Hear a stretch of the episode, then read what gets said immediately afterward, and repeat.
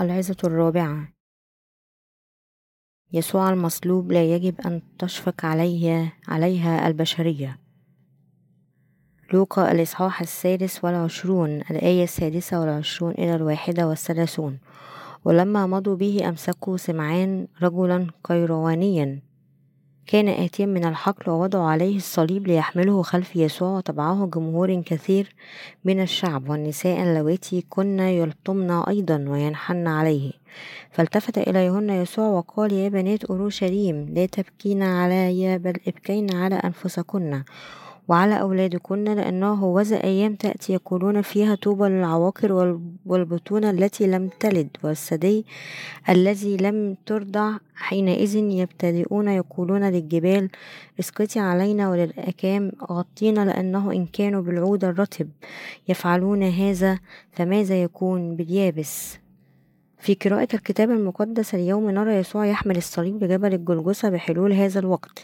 كان يسوع قد استنفذت قواه بالفعل من تلك من تلقي تسعة وثلاثين جلدة وعندما لم يستطع تحمل ثقل الصليب أمسك الجنود الرومان برجل قيرواني اسمه سمعان وجعلوه يحمل الصليب بدلا عنه. كانت هناك مجموعة من النساء في ذلك الوقت يندبن ويبكين هؤلاء اللواتي عبدنا يسوع كأتباعه قال يسوع لهؤلاء النساء الباكيات يا بنات أورشليم لا تبكي من أجلي بل ابكي على أنفسكم وعلى أولادكم. اليوم أود أن أشهد لما قاله يسوع للنساء هنا لأنه ينطوي على العديد من الدروس الروحية لنا الآن أيضا.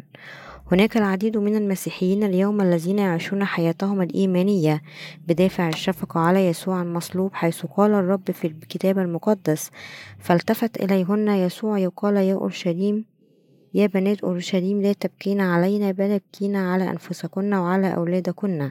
وكان يقول لماذا تبكون من أجلي ليست هناك حاجة للبكاء من أجلي هكذا؟ أنا أحمل الصليب لجبل الجلجثة الآن لأنني حملت خطايا العالم مرة واحدة وإلى الأبد فلا تبكي من أجلي. يسوع لا ينبغي أن يشفق عليه متديني هذا العالم. يسوع هو الله الثالوث الذي خلق كل الأشياء المرئية وغير المرئية لأعيننا من الجسد. عندما خلق الله الثالوث السماوات والأرض كان يسوع هناك إنه الخالق الذي خلق هذا الكون وكل ما فيه بكلمته. ووضع الله الآب خطة خلاص لخلاص جميع الخطاة من خطاياهم من خلال ابنه يسوع المسيح. يسوع هو المخلص الذي قبل كل خطايا العالم مرة واحدة وإلى الأبد من خلال المعمودية التي تلقاها من يوحنا المعمدان هناك الكثير من الناس اليوم الذين لم يتمكنوا من الاغتسال من خطاياهم لأنهم لم يقبلوا بعد في قلوبهم معمودية يسوع. الذي حمل خطايا العالم مرة واحدة وإلى الأبد غير مهتمين بمعمودية الرب. يتجاهل الكثير من الناس نعمة الخلاص التي تمكنهم من الولادة الثانية. هؤلاء الناس يتذكرون فقط الألم على الصليب كما هو موضح في قانون الإيمان النقوي بدلا من كلمة الله. لا ينبغي لنا أن نشفق على الرب وبدلا من ذلك ننتبه لمعمودية يسوع ويجب أن نكون أكثر انتباها للاعتقاد أن يسوع حمل خطايا العالم من خلال معموديته ويجب أن ندرك كيف يتم غسلنا من خطايانا ويتم الحصول عليها من خلال الإيمان بالمعمودية التي تلقاها يسوع من يوحنا المعمدان وصليبه.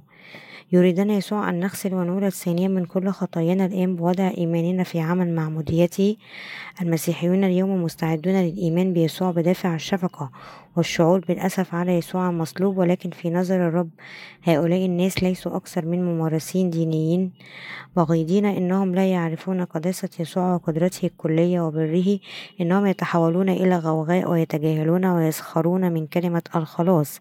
بأن يسوع حمل خطايا العالم مرة واحدة وإلى الأبد من خلال معموديته.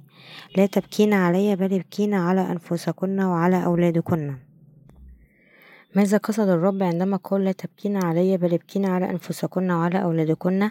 هذا يعني أن الرب يريدنا أن نعرف ونؤمن بعمل معموديته وبالتالي نمجد إلهنا. يقول لنا الرب هنا قلوبكم وقلوب أولادكم مذنبون بالخطايا وبالتالي ستدينون أنتم وأولادكم على تلك الخطايا. اغتسل من كل خطاياك مرة واحدة وإلى الأبد. بالإيمان بالمعمودية التي تلقيتها من يوحنا المعمدان آمنوا بعمل معموديتي البار الذي من خلاله حملت خطايا خطاياكم واغتسلوا من خطاياكم الآن. يقول الرب احصل على خلاصك بالإيمان بأنني أتحمل دينونة خطاياك لأنني تحملتها مرة واحدة وإلى الأبد بتعميد يوحنا المعمدان لذلك لا تشفقوا علي بسبب المعاناة التي أتحملها على الصليب ولا يجب أن تكونوا ممارسين دينيين دنيويين. بعيدا على ذلك آمن بالكلمة التي حملت خطايا هذا العالم من خلال معموديتي وولدت ثانيا بهذا الإيمان لأنني حملت خطاياك بتعمدي من يوحنا المعمدان سأصلب الآن. يقول لنا الرب يجب أن تفهم وتؤمن بشكل صحيح بالمعمودية التي تلقيتها من يوحنا المعمدان والصلب الذي أعاني منه لأتحمل عقاب خطاياك. أنا لست شخصا يمكنك أن تشعر بالأسف والشفقة عليه. أنا حمل الله الذي حمل وغسل كل خطاياك بمعموديتي وأنا الآن أحمل الصليب لأتحمل دينونة خطاياك. اقبل مغفرة الخطايا في قلبك الآن من خلال الإيمان بنعمة خلاصي. وأنني تحملت خطاياك وغسلتها مرة واحدة وإلى الأبد بمعموديتي. وأنا أتحمل إدانة الخطاة يقول الرب مرة أخرى أنا المخلص الذي حمل كل خطاياك مرة واحدة وإلى الأبد من خلال المعمودية التي تلقيتها من عبد يوحنا المعمدان على الرغم من أن روحك يجب أن تهلك من أجل خطاياك فقد خلصتك من كل خطاياك وأدانتك مرة واحدة وإلى الأبد من خلال معموديتي وموتي على الصليب. وموتي على الصليب أنا المخلص العادل الذي حمل خطاياك وغسلها مرة واحدة وإلى الأبد بالمعمودية التي تلقيتها من يوحنا المعمدان اقبل في قلبك وآمن ببري وعدلي وعمل الخلاص الذي حققته بمعموديتي ودمي على الصليب بهذا الإيمان. اغتسل الآن من خطاياك مرة واحدة وإلى الأبد واحصل على خلاصك بالإيمان بأنني حملت دينونة خطاياك على الصليب بسبب المعمودية التي تلقيتها. يستمر الرب في القول لا تشعر بالأسف من أجلي اهرب من أوهامك الدنيئة الدينية الخاطئة. بدلا من الشفقة علي حقق خلاصك بالإيمان بأنني حملت كل خطاياك وخطاياي نسلك مرة واحدة من خلال المعمودية التي تلقيتها من يوحنا المعمدان ابكي الآن مع العلم أنك خاطي لتدان على الخطايا التي ورثتها عن أسلافك وتخلص بالإيمان بمغفرة الخطايا التي أعددتها لفدائك. لأنك مقدر لك أن تلقى في الجحيم بسبب خطاياك ما لم تؤمن من كل قلبك بذبيحة الكفارة التي قدمتها لك. من الآن فصاعدا لا تبكي من أجلي والوصول إلى خلاصك بدلا من ذلك من خلال الإيمان بالخلاص العادل الذي حققته من خلال المعمودية التي تلقيتها من يوحنا المعمدان وسفك دمي. يخبرنا الرب أن نفهم المعنى العميق للكلمة التي أعطانا إياها لنولد ثانيا وأن نؤمن بكلمته بقلوبنا عندما نؤمن أن الرب خلصنا من خطايانا وعقابنا من خلال معموديته وصليبه عندما نخلص بالإيمان وفقا لإرادته. حتى الآن يؤمن الكثير من الناس بيسوع المصلوب بشكل أعمى يعيش المسيحيون اليوم حياة دينية عمياء. وفقا لأفكارهم الخاصة مثل هذا الإيمان الأعمى ليس الإيمان بمولود ثانيا الذي يريده ربنا. يجب أن نفهم الخلاص العادل الذي يريدنا الرب أن نناله. يؤمن المسيحيون هذه الأيام بشكل أعمى بناء على مشاعرهم الخاصة ويفكرون في أنفسهم كم يجب أن يكون يسوع تألم على الصليب ولكن هذا ليس ما يريده الرب. يريدنا أن نولد ثانيا بمعرفة بره والإيمان به. يحاول مسيحي اليوم أن يخلصوا من خلال الإيمان بصليب يسوع بدلا من معرفة بر معمودية الرب والإيمان به ويؤمن الكثير منهم بالتفكير الأعمى فقط في المعاناة التي تحملها الرب. لذلك فهم في الواقع يشفقون على الرب ويشعرون بالأسف على المصاعب التي واجهها يسوع كثير لأنهم يكافحون أيضا مع الظروف الصعبة ويؤمنون بشكل أعمى غارقون في التنفيس الديني. يعيشون كل يوم حياة دينية متكررة مدفوعة عاطفيا.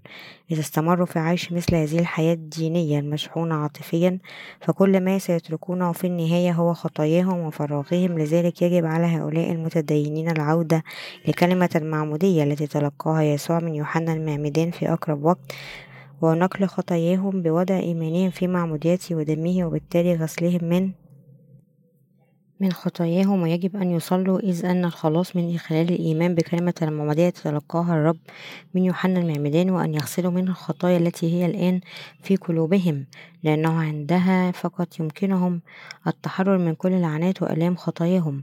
أولئك الذين يؤمنون بالمعمودية التي تلقاها الرب من يوحنا المعمدان ودمه الذي هو يمكن غسلهم من خطاياهم بالإيمان. وبما أنهم يؤمنون بمعمودية الرب ودمه فهم الآن مؤهلون لتلقي عطية روح الله لكي ينال المسيح اليوم مغفرة الخطايا في قلوبهم ويسكن الروح القدس فيها. يجب عليهم أولا أن يؤمنوا بكلمة الله العادلة التي تمكنهم من الاغتسال من خطاياهم بمعمودية الرب ويجب عليهم بذلك أن ينكروا خطايا قلوبهم إلى جسد يسوع بالإيمان.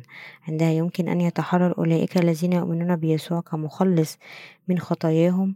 يتحرر هؤلاء المسيحيون من كل خطاياهم ويجب أن تؤمن قلوبهم بالمعمودية التي تلقاها الرب من يوحنا المعمدان لذلك يجب أن نؤمن بمعمودية يسوع ودمه لأن هذا هو الإيمان الذي يرضي الرب ويجب أن يكون لدينا جميعا الإيمان الذي يمكننا أن نولد ثانيا من الماء والروح.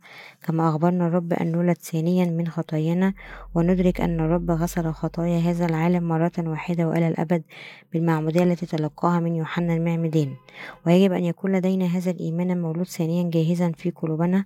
ماذا عنك بعد ذلك؟ هل تدرك الآن أن الرب أخذ خطاياك مرة واحدة وإلى الأبد من خلال المعمودية التي تلقاها من يوحنا المعمدان من الضروري للغاية بالنسبة لنا أن نعترف بهذه الحقيقة من خلال وضع إيماننا في كلمة الله. عندها فقط نصبح شعب إيمان أمام الرب ويجب أن ندرك أيضا أننا صرنا قديسين. يرضى ربنا بالإيمان بكلمة معمودته بقلوبنا وبالتالي غسلنا من خطايانا. اليوم أولئك الذين ولدوا ثانيا من خطاياهم بالإيمان ببر يسوع هم الذين نقلوا كل خطاياهم إليه بوضع إيمانهم في حقيقة أن يسوع حمل خطايا العالم مرة واحدة وإلى الأبد من خلال المعمودية. أولئك الذين لديهم هذا النوع من الإيمان هم من أولئك الذين يتحد إيمانهم بإرادة الله ويجب أن نشكر الرب بإيماننا لأننا لأنه باركنا لنولد ثانيا من خلال معموديته. بالنظر إلى حقيقة أن يسوع نفسه أخذ خطايانا مرة واحدة وإلى الأبد من خلال تعميده من قبل يوحنا المعمدان ألا يجب أن ندرك بامتنان مدى روعة حقيقة الخلاص هذه بالنسبة لنا؟ ولا يجب أن نؤمن بها في قلوبنا. عندما صلب ربنا حتى الموت قال قبل وفاته مباشرة قد أكمل وقال يسوع هذا بالضبط لأنه حمل خطايا البشرية مرة واحدة وإلى الأبد بتعمده من قبل يوحنا المعمدان وهذا يعني أن ربنا حمل وأنهى عقاب كل خطايا البشرية لأنه تحمل خطايانا مرة واحدة وإلى الأبد. ويجب أن نكون ممتنين للرب لإتمام خلاصنا بمعموديته ودمه ونولد جميعا من خلال الإيمان مرة ثانية من خلال المعرفة والإيمان بأن المعمودية التي تلقاها الرب لغسل خطايانا وعقاب الصليب الذي حمله لإدانتنا من أجل خطايانا تشكل بر الرب. عندها يمكننا أن نمجد بر ربنا وننال الخلاص منه بالإيمان ونكون شاكرين دائما. أولئك الذين حذفوا كلمة معمودية الرب من التاريخ. خلال العصور القديمة المتأخرة عندما وضع الإمبراطور قسطنطين قانون الإيمان النقاوي في عام 325 ميلاديا ترك عمل الخلاص العادل الذي قام به يسوع المسيح على هذه الأرض لتخليص الخطاة من خطاياهم على أنه حذف من قانون الإيمان النقاوي حقيقة أن يسوع حمل خطايا العالم على جسده بتعمده من قبل يوحنا المعمدان وبهذا الإغفال جعل قسطنطين من المستحيل على المسيحي اليوم في جميع أنحاء العالم معرفة الحقيقة. وهدفي هذا هو فتح هذا الإغفال لك ولك وكل من يريد أن يؤمن بالرب. إن الإساءة التي ارتكبها قسطنطين ضد الله فظيعة ومرعبة لدرجة أنه لا ينبغي أن يكون هناك أحد بيننا يشارك في تعديه بصمت.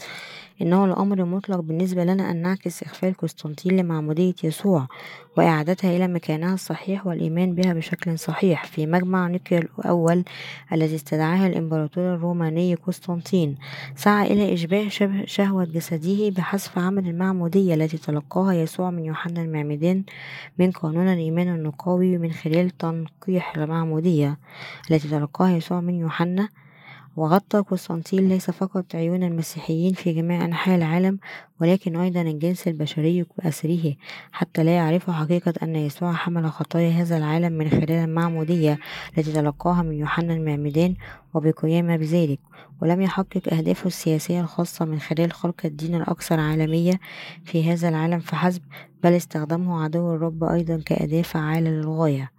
وما لا ينبغي أن يفعله أي إنسان على الإطلاق. كان أول رجل حذف من قانون الإيمان النقاوي المعمودية التي تلقاها يسوع من يوحنا المعمدان مع قانون الإيمان النقاوي وغطى كل المجد الذي كان يجب أن يذهب ليسوع المسيح كشخص اغتصب المجد الذي كان يجب أن يذهب إلى الله وارتكب خطية جسيمة لدرجة أنها كانت أقرب إلى سرقة مجد يسوع. ومن المهم جدا لنا أن ندرك أننا الآن في عصر يمكن فيه غسلنا من خطايانا من خلال المعمودية التي تلقاها يسوع من يوحنا المعمدان ودمه. ولقد حل علينا الآن العصر الذي يمكن غسل البشر من كل خطاياهم من خلال الإيمان بأن يسوع حمل خطايا البشرية بتعميده من يوحنا المعمدان. وصلنا جميعا الآن للنقطة الحرجة حيث يجب أن نغسل من خطايانا من جميع من وضع إيماننا في حقيقة معمودية يسوع من الآن فصاعدا ويجب أن ندرك ونؤمن أن يسوع حمل خطايا هذا العالم على جسده وحمل عقاب خطايانا بدلا منا من خلال وضع إيماننا في المعمودية تلقاها من يوحنا المعمدان ودمه. ويجب أن نصل لخلاصنا الحقيقي الآن وإلى الأبد ويجب أن ندرك أن يسوع هو المخلص الذي حمل خطايا العالم مرة واحدة وإلى الأبد من خلال يوحنا المعمدان ولأن يسوع صلب وسفك دمه على الصليب يمكننا الآن أن نخلص من خطايانا مرة واحدة وإلى الأبد ونشكر الرب بهذا الإيمان أن الإيمان هو الذي لا يذهب عبثا إلى عدالة المعمودية التي تلقاها ربنا من يوحنا وهذا الإيمان هو الذي يمجد ربنا منذ عام ثلاثمائة وخمسة وعشرين بعد الميلاد في العصور القديمة المتأخرة عندما صدر قانون الإيمان النقاوي حتى يومنا هذا كان اليهود العالم الدين العالمي يفسد المسيحيين لماذا؟ ذلك لأن المسيحيين اليوم أصبحوا يؤكدون ويؤمنون فقط بيسوع الذي صلب حتى الموت لأن المسيحيين هذا يعني أنهم يؤمنون بيسوع بينما يستعبدون حقيقة أنه حمل خطايا العالم من خلال المعمودية تلقاها من يوحنا المعمدان ويجب أن ندرك بوضوح أن معمودية يسوع ودمه الذي يحاكم من أجلنا كان عمل الخلاص العادل ويجب أن نؤمن بذلك بقلوبنا حتى الآن. العديد من المسيحيين غافلون عن حقيقة أن يسوع حمل خطايانا بتعمده من قبل يوحنا المعمدان وفي حالة الجهل الذي يشفقون ويؤمنون فقط بيسوع المصلوب الذي سفك دمه ومات على الصليب. ولكن علينا أن ندرك هنا أن هذا النوع من الإيمان يحط قدر عدالة يسوع ويهينها لإنقاذ البشرية من خطايا هذا العالم وإدانة كل الخطايا. ومع ذلك حذف البشر من قانون الإيمان النقاوي حقيقة المعمودية أن يسوع حمل خطايا العالم مرة واحدة وإلى الأبد من خلال تعميده من قبل يوحنا المعمدان مع التركيز فقط على يسوع المصلوب بمفردهم. وبقيامه بذلك حوله يسوع بشكل غير معقول إلى مجرد مؤسس لدين دنيوي يجب علينا الآن أن ندرك مدى أهمية أن يسوع حمل خطايا هذا العالم من خلال المعمودية التي تلقاها من يوحنا المعمدان ومن خلاصنا من الخطايا يقع العبء الآن على عاتقك وأنا الذين نعيش من في هذا العصر الحالي للحصول على غسل الخطايا من خلال الإيمان. أن يسوع قبل خطايا العالم من خلال المعمودية تلقاها من يوحنا المعمدان نحن نعيش في عصر يكون فيه المجيء الثاني لربنا وشيكا في هذا العصر ويجب أن نكون مؤمنين بمجد الله الذي تمم خلاصنا من خلال معمودية يسوع ودمه على الصليب. ومن خلال الإيمان يجب أن نستعيد معمودية يسوع من أولئك الذين تركوا هذه المعمودية التي غسلت خطايا البشرية. ويجب أن نعيد إلى مكانها الصحيح ويجب علينا أن نؤمل دورنا كمرشدين لقيادة الآخرين حتى يتمكنوا من الغسل من خطاياهم حقا من خلال وضع إيمانهم في معمودية يسوع العادل. كوننا مصلحين حقيقيين للإيمان في هذه الأيام الأخيرة من واجبنا أن نعيش كشهود يشهدون لحقيقة الإيمان للجميع أمام ربنا ويمكن القيام بهذا العمل في حياة الخدام الصالحين فقط الذين خلصوا من خلال الإيمان بمعمودية ودم يسوع. يقول الرب أن هذا شيء لا يمكن القيام به إلا من قبل أولئك الذين يؤمنون في هذا العصر بأن يسوع يؤمنون في هذا العصر بأن يسوع غسل خطاياهم وخلصهم بحمل خطايا هذا العالم على جسده من خلال معموديته وسفك دمه. ويجب أن ندرك أيضا أن الرب يريد أن يكون ومن هناك المزيد من الناس الذين يبشرون بهذه الحقيقة الإنجيلية من خلال وضع إيمانهم في معمودية ودم يسوع. الآن كما تلقينا مغفرة الخطايا في قلوبنا من خلال الإيمان بمعمودية الرب ودمه من واجبنا أن نكرس في حياتنا لتحويل أولئك الذين سقطوا في دين هذا العالم ليسوع العادل الذي يقدم لهم مغفرة الخطايا. قال ربنا والفاهمون يضيئون قضياء الجلد والذين ردوا كثيرين إلى البر كالكواكب إلى أبد الدهور. دانيال الإصحاح الثاني عشر الآية الثالثة. ويجب أن نؤمن بمعمودية يسوع ودمه كخلاصنا الآن ونشهد لهم لذلك دعونا نضع إيماننا في معمودية الرب البر حقا ودمه ونمجد اسم يسوع ونتذكر أن يسوع قدسنا بالمعمودية التي تلقاها من يوحنا المعمدان ونشكر الرب كمؤمنين أننا خلصنا من عقاب خطايانا وأن يسوع أدين من أجلها بدلا منا. دعونا جميعا نعمل الآن بجد لنشر خلاص الله البار في هذه الأيام الأخيرة لنكرس بمعمودية يسوع ودمه على الصليب بالإيمان في جميع أنحاء العالم لننشر في جميع أنحاء العالم الآن. قبل وصول المسيح الدجال كلمة المعمودية تلقاها من يوحنا المعمدان ولكنها حذفت من قانون الإيمان النقوي ودعونا نعيش كشهود في هذه الأزمنة الأخيرة. ونكرس بالإيمان بكلمة معمودية يسوع في جميع أنحاء العالم ونعلن أن يسوع حمل خطايا هذا العالم مرة واحدة وإلى الأبد من خلال المعمودية تلقاها من يوحنا المعمدان لماذا يجب أن نفعل هذا؟ ذلك لأن الكثير من الناس يعلنون أنهم يؤمنون بيسوع المصلوب فقط بدافع الشفقة لأنهم يكسرون قلب يسوع لأنهم يؤمنون به كما يؤمن المرء بدين دنيوي إنهم مجرد ممارسين دينيين يعيشون مع بقاء خطاياهم سليمة في قلوبهم ولهذا السبب يجب أن نعظهم بعدالة يسوع الآن ونعلمهم أن الرب حمل خطايا العالم من خلال المعمودية تلقاها من يوحنا المعمدان ومن خلال تحمل خطايا العالم ومعموديته غسل يسوع كل خطايانا من أجل أولئك الذين يؤمنون منا. لذلك دعونا أن نصل لخلاصنا من خلال الإيمان أن يسوع هو المخلص الذي حمل خطايا البشرية. دعونا نقود الجميع للإيمان بمعمودية ودم ربنا العادل ونوقظ المتدينين من حماقتهم في الإيمان بالرب. بدافع الشفقة الشفقة يستلزم إيمانهم الديني في النهاية استبدال مجد الرب. إنهم لا يعرفون أنها خطية عظيمة ضد ربنا أن نؤمن بيسوع كمخلص لهم.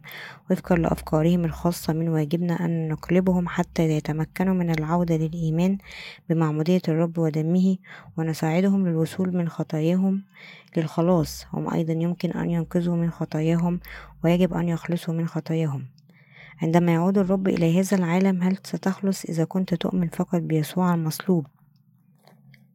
قال يسوع لا تبكين علي بل ابكين على أنفسكن وعلى أولادكن. إذا كان مسيح اليوم مقيدين بخطاياهم الآن لأنهم لا يعرفون بر الخلاص المرتبط بمعمودية يسوع ودمه على الصليب فهم خطاة في نظر الله. إذ بشر خاطي بيسوع لخاطي آخر فإنهما خطاة متساويان. ويجب أن تغسل خطاياك بمعمودية ودم يسوع وتخلص من كل خطاياك وإلا ستبقى خاطئا عندما يعود الرب وبالتالي ستدان على خطاياك فستواجه معاناة الدينونة الأبدية على الخطايا التي لا تزال لديك. لهذا قال الرب لا تبكوا من أجلي بل ابكوا على أنفسكم وأولادكم. مكتوب في لوقا الإصحاح التاسع والعشرون الآية الثالثة والعشرون لأنه هوذا أيام تأتي يقولون فيها طوبى للعواقر والبطون التي لم تلد والثدي الذي لم يرضع لماذا قال يسوع هذا ولمن؟ ببساطة قال يسوع هذا لأولئك الذين يعيشون في هذه الأيام الأخيرة. ماذا يعني عندما يقول الكتاب المقدس أن طوبى لأولئك الذين لا يستطيعون أن يحملوا أي طفل في الجسد؟ والذين لا يستطيعون أن يلدوا حتى لو حملوا بطفل. والذين ليس لديهم ما يكفي من حليب الثدي لإرضاع الطفل الطفل يخبرنا الرب هنا أن الأيام ستأتي قريبا عندما لا يكون هناك مستقبل آخر ويخبر جميع الخطاة الذين يعيشون في هذه الأيام الأخيرة أنه يجب غسلهم من خطاياهم بالإيمان بمعمودية ودم يسوع ثم انتظار المجيء الثاني للرب. لذلك يجب علينا جميعا أولا أن نغسل ونخلص من خطايانا مرة واحدة وإلى الأبد من خلال وضع إيماننا في بر المعمودية تلقاها ربنا لتحمل خطايا هذا العالم ثم ننتظر عودته. يقول لنا الرب الآن آمنوا أني حملت خطاياكم بالمعمودية التي تلقيتها من يوحنا المعمدان واقبلوا مغفرة خطاياكم بهذا الإيمان. يا لها من نعمة رائعة أن يتزوج رجل وامرأة وينجبان طفلا في هذا العالم ومع ذلك إذا ظل الناس خطاة لأنهم لا يعرفون ولا يؤمنون بكلمة المعمودية التي تلقاها ربنا ويدينهم الله على هذا فما الذي يمكن أن يكون أكثر بؤسا وبؤسا من هذا لأن قلوبهم لا تؤمن بحقيقة أن يسوع خلصنا من خلال المعمودية التي تلقاها من يوحنا المعمدان فسوف يواجهون معاناة لا توصف عندما يأتي اليوم الذي يدين فيه, يدين فيه الرب جميع الخطاة على خطاياهم. سيكون قد فات الأوان للندم بحلول ذلك الوقت. قد يركلون أنفسهم لعدم إيمانهم بالمعمودية تلقاها الرب العائد. لكن ذلك سيكون بلا جدوى تماما. لماذا؟ لأنه كان يجب عليهم معالجة مشكلة خطاياهم بينما كانوا لا يزالون يعيشون على هذه الأرض. اليوم الذي يعود فيه مخلصنا إلى هذا العالم هو اليوم الذي سيدين فيه جميع الخطاة الذين يعيشون في هذا العالم بسبب خطاياهم. سيحدث هذا أيضا لمسيح اليوم لا يمكنهم معالجة كل خطاياهم في قلوبهم بصلوات التوبة الخاصة بهم بغض النظر عن مدى صعوبة محاولاتهم وبالتالي ما زالوا يعيشون كخطاة ولكن كم سيكون رائعا أن يتم غسل هؤلاء الخطاة من خطاياهم مرة واحدة وإلى الأبد من خلال الإيمان بكلمة المعمودية التي تلقاها الرب من يوحنا المعمدان يريد الرب أن يخلص هؤلاء الناس أيضا من خطاياهم وهذا يعني أنه حتى أولئك المنغمسين في قانون الإيمان يمكنهم أيضا أن ينالوا غسل الخطايا في قلوبهم من خلال الإيمان بالمعمودية التي تلقاها الرب من يوحنا المعمدان لقد زرعت بذور المعتقدات الدينية التي زرعها الأشرار ونمت في قلوبهم إذا أرادوا حقا أن يستديروا ويؤمنوا بكلمة المعمودية التي أعطاها الرب إياها فعليهم أن يعودوا إلى الرب ويؤمنون الآن بالكلمة التي قالها ربنا متى الإصحاح الثالث الآية الثالثة عشر إلى السابعة عشر. لقد تم بالفعل غرس حياتهم بالعديد من الأفكار البشرية الموجودة في قانون الإيمان النقاوي ولذلك أعلم أنه من الصعب عليهم الخروج إلى الرب يجب أن يؤمنوا بكلمة معمودية يسوع ودمه بقلوبهم وبالتالي يجب غسلهم من خطاياهم ونخلص من خطايانا الآن بوضع وضع إيماننا في رحمة يسوع الذي أصبح كفارتنا من خلال معموديته وسفك دمه. النقطة التي أثيرها هنا هي حتى المسيحيين الذين تحولوا لمجرد ممارسين دينيين يمكن أيضا أن يخلصوا من خطايا هذا العالم من خلال معمودية يسوع من خلال الإيمان بالكلمة الحقيقية. علينا أن ندرك هذا أنه عندما قال الرب أن النساء اللواتي لا يستطيعن الحمل ولا يمكن أن يلدن ولا يستطيعن الرضاعة مباركات كان يتحدث إلى الخطاة الذين لا يؤمنون بمعمودية يسوع وسفك دمه لأن الجميع ولدوا على هذه الأرض. ولدوا على هذه الأرض كخاطئين يجب على الجميع أن يؤمنوا بكلمة الخلاص العادلة التي تعلن أن ربنا حمل خطايا العالم من خلال معموديته وسفك دمه على الصليب وبهذا الإيمان يمكن أن يغسل الجميع من آثام العالم. لقد ولدنا أنا وأنت في هذا العالم كخطاة فكم سيكون رائعا إذا خلصنا الآن من كل خطايانا بالإيمان بمعمودية يسوع ولكن إذا رفضنا أن نؤمن بقلب قاسي ماذا سيحدث لا يحدث لمثل هؤلاء الخطاة أمام الرب؟ آمل وأدعو أن تفكر في هذا بنفسك وتؤمن بمعمودية الرب ودمه. يعيش المسيحيون اليوم هذا العالم كخطاة حتى الآن لأنهم لا يعرفون الكلمة الحقيقية التي تم حذفها من قانون الإيمان النقاوي وأن يسوع حمل خطايا العالم مرة واحدة وإلى الأبد من خلال المعمودية تلقاها من يوحنا المعمدان وذلك لأنهم حتى يومنا هذا آمنوا أن يسوع أصبح مخلصهم بسبب العقاب الذي تحمله على الصليب. وهذا هو السبب أنك ترفض الآن حقيقة أن يسوع حمل وغسل خطايا هذا العالم بمعموديته. عندما خلق الله الإنسان لأول مرة سقط في تجربة الشيطان وأصبح خاطئا فإن الرب الذي خلق السماء والأرض أعطى كلمته عن الوعد بأنه سيأتي كمسيا ليخلص البشرية من الخطايا. وعندما جاء الوقت ولد في هذا العالم من خلال جسد مريم ولإتمام الكلمة التي وعد بها ثم حمل يسوع الخطايا مرة واحدة وإلى الأبد من خلال تعميده من قبل يوحنا المعمدان. أعظم أولئك الذين ولدوا من النساء ولأن الرب أخذ خطايا العالم مرة واحدة وإلى الأبد. فقد صلب حتى الموت وتحمل بالوكالة عقاب الخطايا التي كان يجب أن يتحملها الخطاة. هكذا غسل الرب خطايا البشرية مرة واحدة وإلى الأبد. بتعمده وأدين بسبب خطايانا هذا يعني أنه يمكننا أن نخلص من خطايانا بالإيمان بمعمودية يسوع وصليبه وبر ربنا الذي حل خطايا العالم. لقد جرح لأنه حمل خطايانا من خلال معموديته. هو مكتوب في إشعياء الإصحاح الثالث والخمسون الآية الخامسة. وهو مجروح لأجل معاصينا مسحوق لأجل آثامنا. تأديب سلاما سلمنا عليه ويغفره وبحبره شفينا. قال الرب لنا جميعا أنا المخلص الذي حمل خطايا العالم بتعمده من قبل يوحنا المعمدان من أجلكم وحملها إلى الصليب ومات بدلا عنا لتحمل دينونة خطاياكم وأنا مخلصك الذي ضحى كفارة عن خطاياك. لقد حملت كل خطاياك في هذا العالم من خلال معموديتي لذا آمن بهذه المعمودية بقلبك واغتسل واغتسل من خطاياك الرب هو حمل الله الذي حمل خطايا العالم ومن الضروري للغاية بالنسبة لنا. أن نؤمن أن الرب خلصنا الآن من خلال تعميدنا من قبل يوحنا المعمدان ندرك السبب الذي جعل الرب يحبنا كثيرا يجب أن تشكره على بره بإيماننا وأعتقد أن يسوع قبل خطايانا من خلال معموديته وسفك دمه على الصليب لأنه أحبنا وأراد أن يخلصنا. اعلموا الآن أنني مخلصكم وبقلوبكم آمنوا بمعموديتي ودمي كخلاصكم.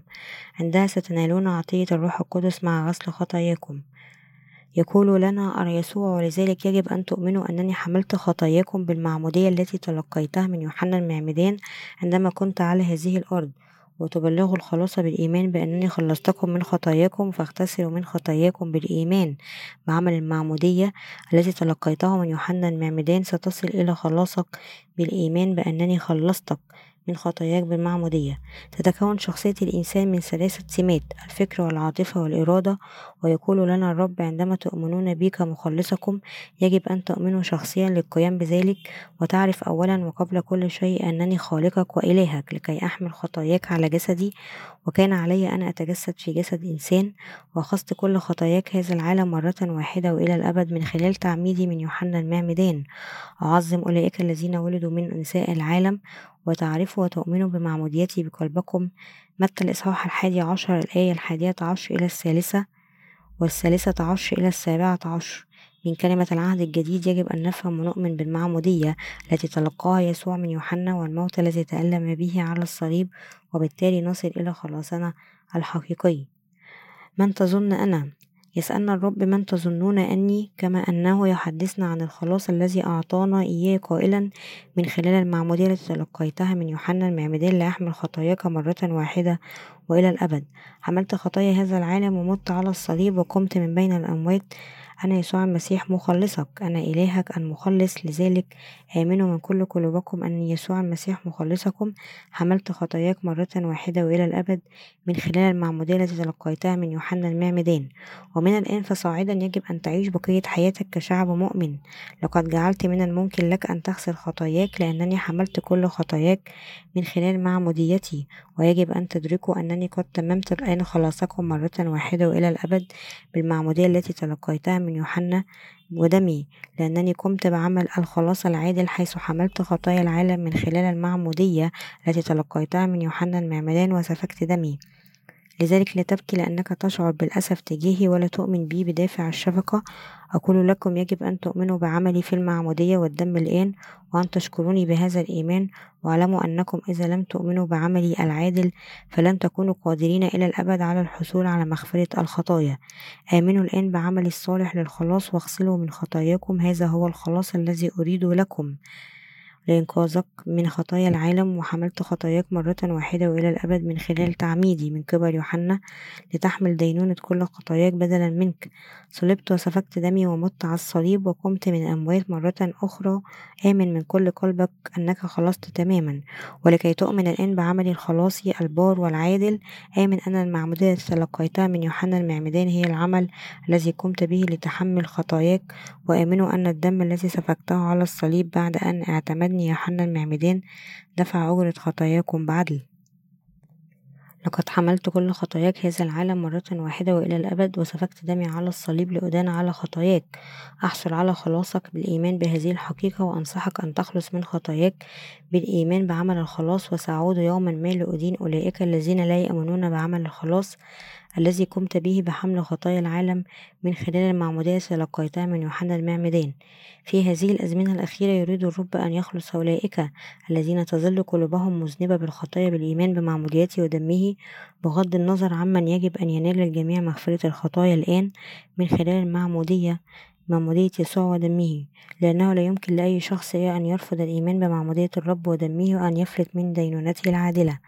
مكتوب في لوقا الإصحاح الثلاثون الآية الثالثة والعشرين حينئذ يبتدئون يقولون للجبال اسقطي علينا وللأكام غطينا إن دينونة الخطايا التي سيصدرها الله للخطاة الذين لا يؤمنون بمعموديته ودمه ستكون بهذه القسوة. دينونة الخطايا التي أصدرها الرب هي دينونة ضد جميع الخطاة. ستكون مرعبة تماما. سيقف الجميع أمام دينونة الرب العادلة العادل أولئك الذين يجب أن يواجهوا دينونة الله في ذلك الوقت. بسبب خطايا قلوبهم ولن يكونوا قادرين على تحمل دينونة الرب. الإيمان بمعمودية تلقيناها للرب ودمه لا غنى عنه الآن لأن الرب قد اعتنى الآن بكل خطايانا من خلال تعميده من قبل يوحنا المعمدان خدام الله في هذا العصر يعرفون ويؤمنون بمعمودية الرب ويبشرون بلا كل معمودية الرب ودمه في جميع أنحاء العالم. لقد حل يسوع كل أسام العالم مرة واحدة وإلى الأبد من خلال تعميده من يوحنا المعمدان وسفك دمه. ويجب أن ننال الخلاص من خلال الإيمان بقلوبنا بأن الرب حل خطايانا مرة واحدة وإلى الأبد بالمعمودية تلقاها من يوحنا المعمدان. ويجب أن يكون لدينا جميعا معرفة أن يسوع قبل خطايانا لجسده من خلال كلمة المعمودية التي تلقاها من يوحنا المعمدان. ونشهد لهذا الإيمان بمعمودية يسوع ودمه حتى ساعة المجيء الثاني للرب. حتى الآن يعيش الكثير من الناس حياة دينية كخطاة لأنهم لا يعرفون معمودية الرب ودمه.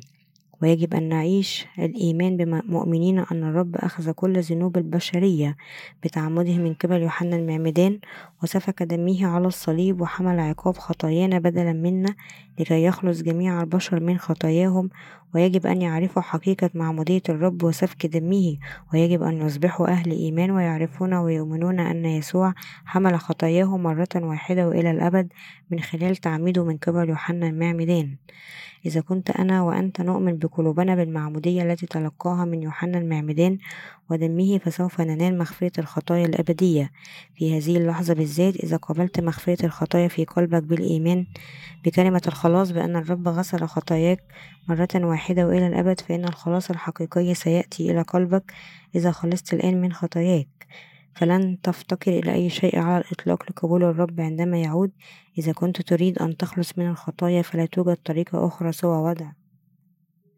وضع إيمانك في معمودية الرب وسفك دمه ويمكنك جميعا الهروب من غضب الله بالإيمان بحقيقة أن يسوع قبل كل خطية البشرية إلى جسده من خلال المعمودية تلقاها من يوحنا المعمدان عندما جاء للأرض نحتاج أن ندرك أيضا أنه إذا كنا نؤمن من قلبنا بهذه الطريقة في معمودية يسوع وسفك دمه العادل على الصليب فلا يمكننا الحصول على مغفرة الخطايا في قلوبنا. ونستخدم أدوات للرب لتوسيع ملكوته. ويجب ألا نسمح لأنفسنا برفض عمل معمودية يسوع التي هي نعمة مغفرة الخطايا التي أعطانا إياها الرب. بدلا من ذلك يجب أن نعرف ونؤمن بحقيقة الخلاص. بقلوبنا أن الرب اعتمد على يد يوحنا المعمدان بعد مرور ثلاث سنوات منذ أن حمل يسوع أسامي البشرية مرة واحدة وإلى الأبد من خلال عمل المعمودية تتلقاها من يوحنا المعمدان حكم عليه بيلاطس بالموت وسفك دمه على الصليب وقال هذه الكلمات قبل وفاته مباشرة قد أكمل. ويجب أن نؤمن بعدلة يسوع كخلاصنا لأن الرب أكمل عمل الخلاص. مرة واحدة وإلى الأبد بمعموديته ودمه ليخلص الجنس البشري بأسره من خطايا العالم وقد حل كل مشكلة خطاياهم. أولئك الذين يحاولون الآن أن يخلصوا من قبل الإيمان بقانون الإيمان النقوي فقط. يقول معظم المسيحيين اليوم أنهم يؤمنون بيسوع المصلوب فقط كمخلصهم بناء على قانون الإيمان النقوي من أجل إتمام خلاصهم ويعتمدون بشدة على توقيع أن تتقدس نفوسهم بحلول الوقت الذي يغادرون فيه هذا العالم. ويعتقد المسيحيون الذين لديهم مثل هذا الإيمان الديني أنهم بحاجة إلى مزيد من الوقت قبل أن تصبح قلوبهم خالية تماما من الخطية لأنهم عندما ينظرون لجسدهم يبدو كما لو أن الأمر سيستغرق الكثير من الوقت للتقديس في كل من الجسد والروح. هل إيمانهم وأفكارهم صحيحة؟ حقا لنتأمل هذا السؤال بالعودة إلى كلمة المعمودية التي تلقاها الرب من يوحنا المعمدان. طالما أن المرء يؤمن بالمعمودية تلقاها الرب من يوحنا فلن يستغرق الأمر وقتا طويلا حتى يغسل هذا الشخص من خطاياه. وهذا لأن الرب حمل خطايا العالم مرة واحدة وإلى الأبد. الأبد بتعمده على يد يوحنا المعمدان. متى الإصحاح الثالث الآية الثالثة عشر إلى السابعة عشر؟ وهذا أيضا لأن الرب حمل كل خطايا البشرية مرة واحدة وإلى الأبد من خلال معموديته وذهب إلى الصليب وقدم جسده كفارة لنا.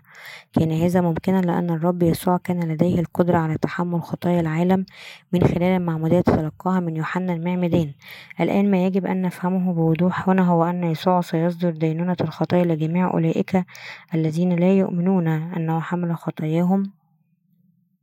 هذا لأنه بينما الرب هو مخلصنا هو أيضا الدين الذي يدين خطايانا. كل من لا يؤمن بهذه الحقيقة يسوع هو الذي عوقب إلى الصليب من أجل كل خطايانا وبهذه العقاب أنهى كل دينونتنا مرة واحدة وإلى الأبد. لقد خلصنا الرب نحن المؤمنين بتحمل خطايانا من خلال معموديته وتحمل إدانتهم على الصليب بسبب المعمودية تلقاها من يوحنا المعمدان كان قادرا على تحمل كل خطايانا وغسلها بما أن ربنا حمل خطايانا من خلال معموديته وعقابه بدمه على الصليب. فمن الآن صاعدا كل من يؤمن بعمل يسوع البار يمكن غسله من خطاياه مرة واحدة وإلى الأبد. يبحث الله الآب عن أولئك الذين يردون قلبه بغسل خطاياهم ويضعون إيمانهم في المعمودية التي تلقاها من يوحنا المعمدان كما أصبح إبراهيم في الكتاب المقدس أبو إيماننا بالإيمان بكلمة الرب الإله.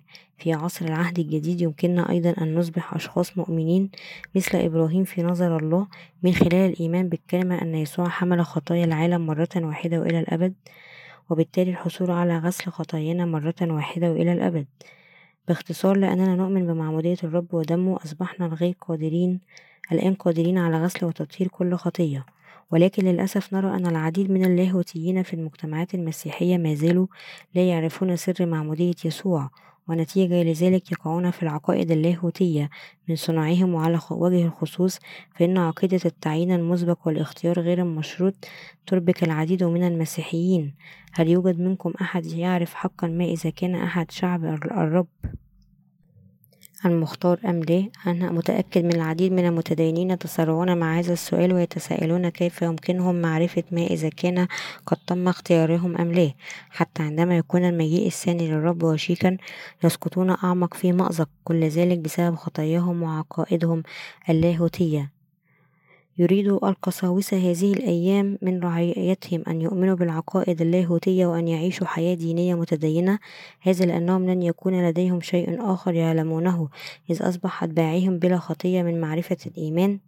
بالخلاص الذي أتمه الرب بمعموديته ودمه يقول الكتاب المقدس في يوحنا الأولى الإصحاح السابع والعشرون الآية الثانية وأما أنتم فالمسحة التي أخذتموها منه ثابتة فيكم ولا حاجة بكم إلى أن يعلمكم أحد بل كما تعلمكم هذه المسحة عينها عن كل شيء وهي حق وليست كذبا كما علمتكم تثبتون فيه.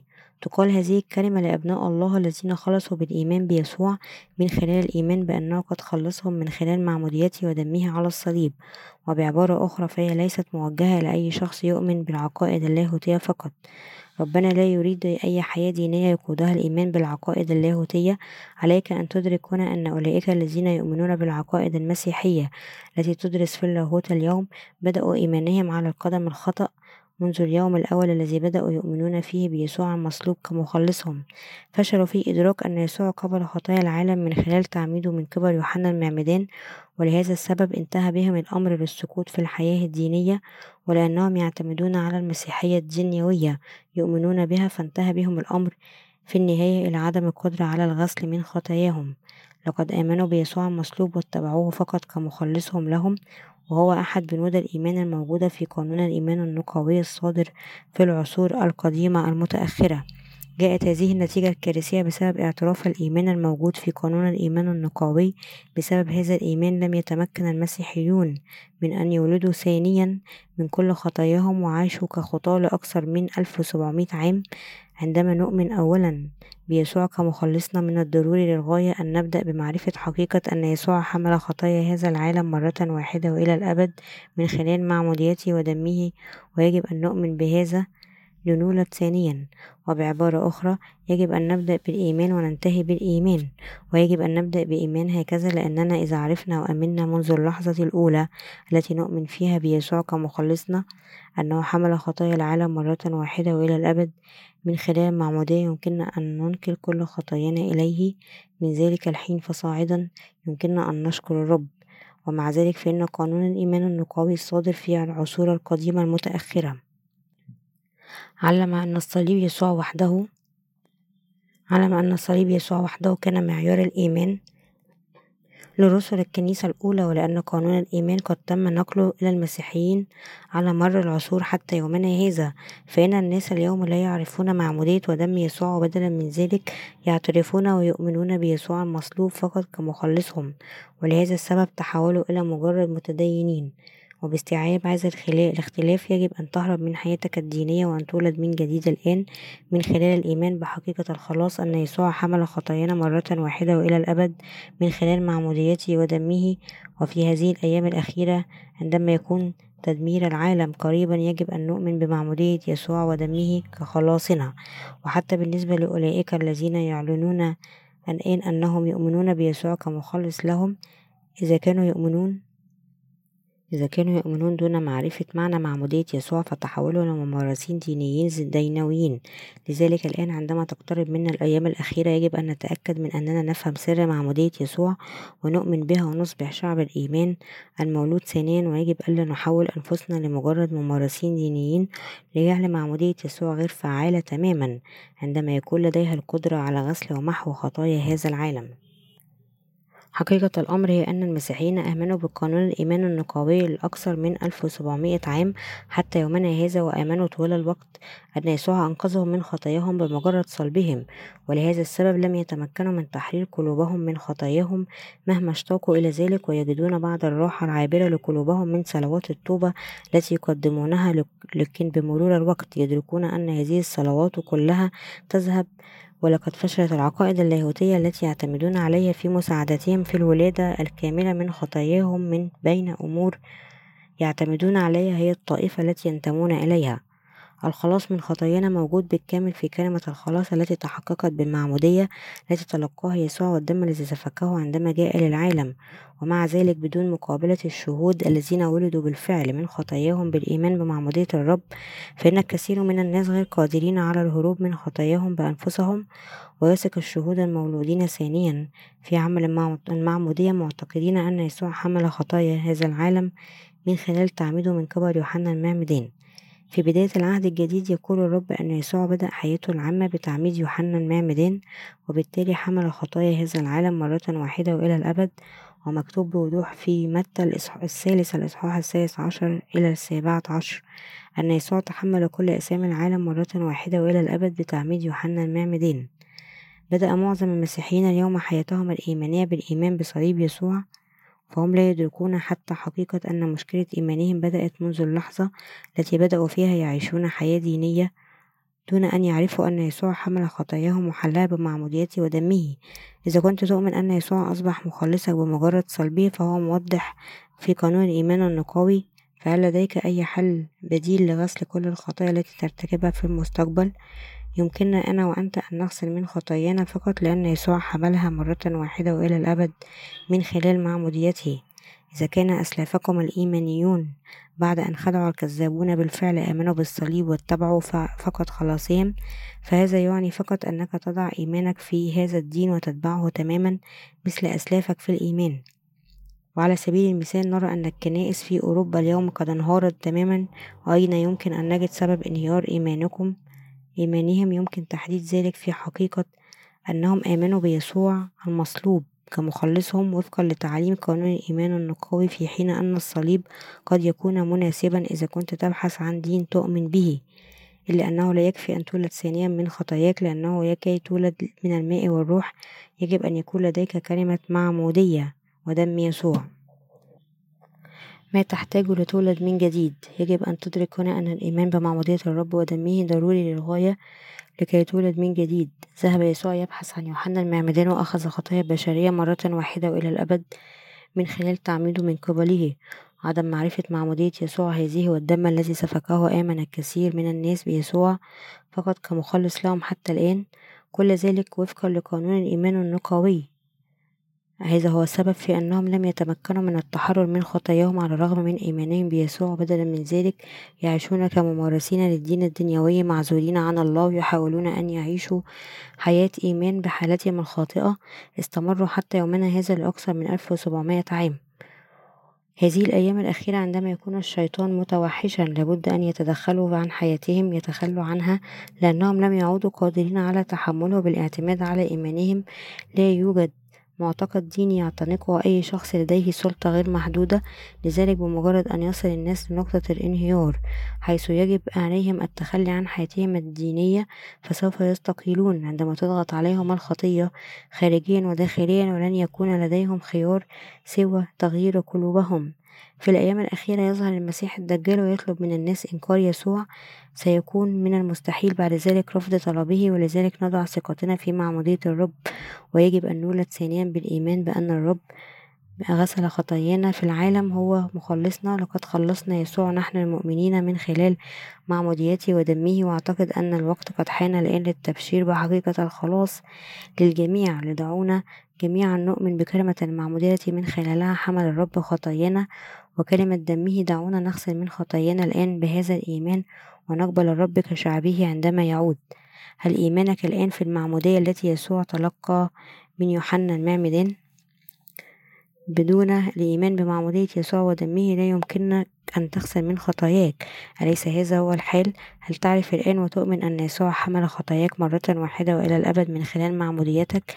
يجب أن تخلص من خطاياك بالإيمان أن يسوع هو المخلص الذي حمل خطايا العالم من خلال المعمودية تتلقاها من يوحنا المعمدان تماما كما هو مكتوب في متى الإصحاح الثالث الآية الثالثة عشر إلى السابعة عشر بالإيمان بكلمة معمودية يسوع يمكنك غسل خطاياك مرة واحدة وإلى الأبد. لقد استند إيمانك وإيماني لقانون الإيمان النقاوي الذي أصدره متدينون عام 325 ميلاديا ويقول القانون أن يسوع قد أنقذك من الخطايا بصلبه وتحمل عقابها. وفقا لذلك علمك قادة كنيستك أيضا أن العقاب الذي عانى منه يسوع وحده يشكل الخلاص ولم يتمكنوا من تعليم الحقيقة أن يسوع حمل خطايا العالم مرة واحدة وإلى الأبد من خلال معموديته وغسل خطايا المؤمنين الأشخاص الذين توصلوا لقانون الإيمان النقوي في عام 325 ميلاديا حذفوا كلمة معمودية من قانون الإيمان وبذلك سعوا لتحقيق أهدافهم الخاصة من خلال, إنشاء دين دنيوي يؤمن فيه أتباعه بيسوع كمخلصهم. هكذا سعوا لإشباع شهواتهم بمنع الناس من الإيمان بمعمودية يسوع المكتوبة في الكتاب المقدس وجعلهم يؤمنون فقط بعقابه على الصليب ومن السخف أنهم يضعونك في موقف لا يمكن الدفاع عنه. لذلك وصلنا الآن لمنعطف حرج حيث يجب أن تنتقل لكلمة الله المكتوبة ونفحص المعنى العميق للمعمودية تلقاها يسوع من يوحنا المعمدان ونعيد الإيمان بيسوع كمخلصنا في متى الإصحاح الثالث الآية الثالثة عشر إلى السابعة عشر. يسجل الكتاب المقدس ويظهر لنا حقيقة أن يسوع حمل خطايا العالم مرة واحدة وإلى الأبد من خلال تعميده من قبل يوحنا المعمدان منذ عام ثلاثمائة وخمسة وعشرين ميلاديا حتى الآن خدعت المسيحية من قابل أن يشير قانون الإيمان النقاوي الذي أغفلوا حقيقة أن يسوع حمل خطاياك وخطاياي وغسلها بتعميد يوحنا المعمدان لقد دمرت أرواحنا بالكامل من قبل هؤلاء الناس والشيطان ويجب على المسيحيين أن يدركوا أنه حتى هذه اللحظة بالذات يتم خداعهم من قبل أتباع قانون الإيمان النقاوي من صنع الإنسان ولذلك لإطلاق الإصلاح الحقيقي للإيمان في هذا العصر ولا غنى عن الإيمان بكلمة معمودية ودم الرب. الآن في هذا العصر أيضا أولئك الذين يؤمنون بقانون الإيمان لا يستطيعون أن يغسلوا من خطاياهم لأنهم لا يعرفون حقيقة كلمة المعمودية التي تلقاها يسوع من يوحنا المعمدان. إن أولئك المسيحيين الذين يخضعهم قادتهم الدينيون يفترسون وقتهم وأموالهم وأرواحهم. لذلك دعونا نوقف حياتنا الدينية الآن ونخلص مرة واحدة وإلى الأبد من خلال وضع إيماننا في معمودية ودم يسوع. ونحلق عاليا فوق السماء للوصول لملكوت الرب. وعلينا جميعا أن ندرك أن هذا العصر الحالي هو عصر يحتاج لإصلاح حقيقي للإيمان. وأقول لكم أنه يجب علينا إصلاح مسيحية اليوم بإيماننا بكلمة المعمودية. الإصلاح الحقيقي بعيدا عن الدين الزائف هو ضرورة مطلقة لهذا العصر الحاضر. الحاضر أطلب منكم أن تنضموا إلى إطلاق الإصلاح في القرن الحادي والعشرون بإيماننا بحقيقة أن يسوع حمل خطايا هذا العالم بتعمده من قبل يوحنا المعمدان للقيام بذلك. تشير التقديرات إلى أن هناك حوالي واحد مليار مسيحي على كوكب الأرض اليوم ومع ذلك فإن معظم هؤلاء المسيحيين يعيشون كخطاة لأنهم لا يعرفون حقيقة أنه يمكن غسلهم من خطاياهم إذا آمنوا بكلمة كل من معمودية ودم يسوع معا. هذا يشبه توفير التهوية الاصطناعية لمريض في السكتة القلبية واستعادة تنفسه عندما نؤمن أنا وأنت بيسوع كمخلص فإن الإيمان بحقيقة واحدة مفادها أن يسوع المسيح اعتمد لتحمل خطاياك وخطاياي مرة واحدة وإلى الأبد يكفي في حد ذاته لخلاص قلوبنا من كل الخطايا وإيجاد قوة جديدة. وهكذا ندرك لماذا أخبرنا الرب أن البشرية يجب أن تولد ثانيا من الماء والروح. يجب أن يولد المرء ثانيا من الماء والروح. دعونا نتذكر ما قاله الرب في يوحنا الفصل الثالث أنه لا يمكن للمرء أن يدخل ملكوت الله إلا إذا ولد ثانيا من الماء والروح. يشير الماء الذي تكلم عنه يسوع إلى كلمة معموديته ذلك لأن يسوع تعمد على يد يوحنا المعمدان في سن الثلاثون وحمل خطايا العالم مرة واحدة وإلى الأبد من خلال المعمودية. وهذا يعني أنه يمكننا أن نغسل من خطأ من آثام العالم بالإيمان بكلمة معمودية يسوع والسبب في ذلك هو وضع الأيدي الذي أسسه الله في عصر العهد القديم خلال عصر العهد القديم.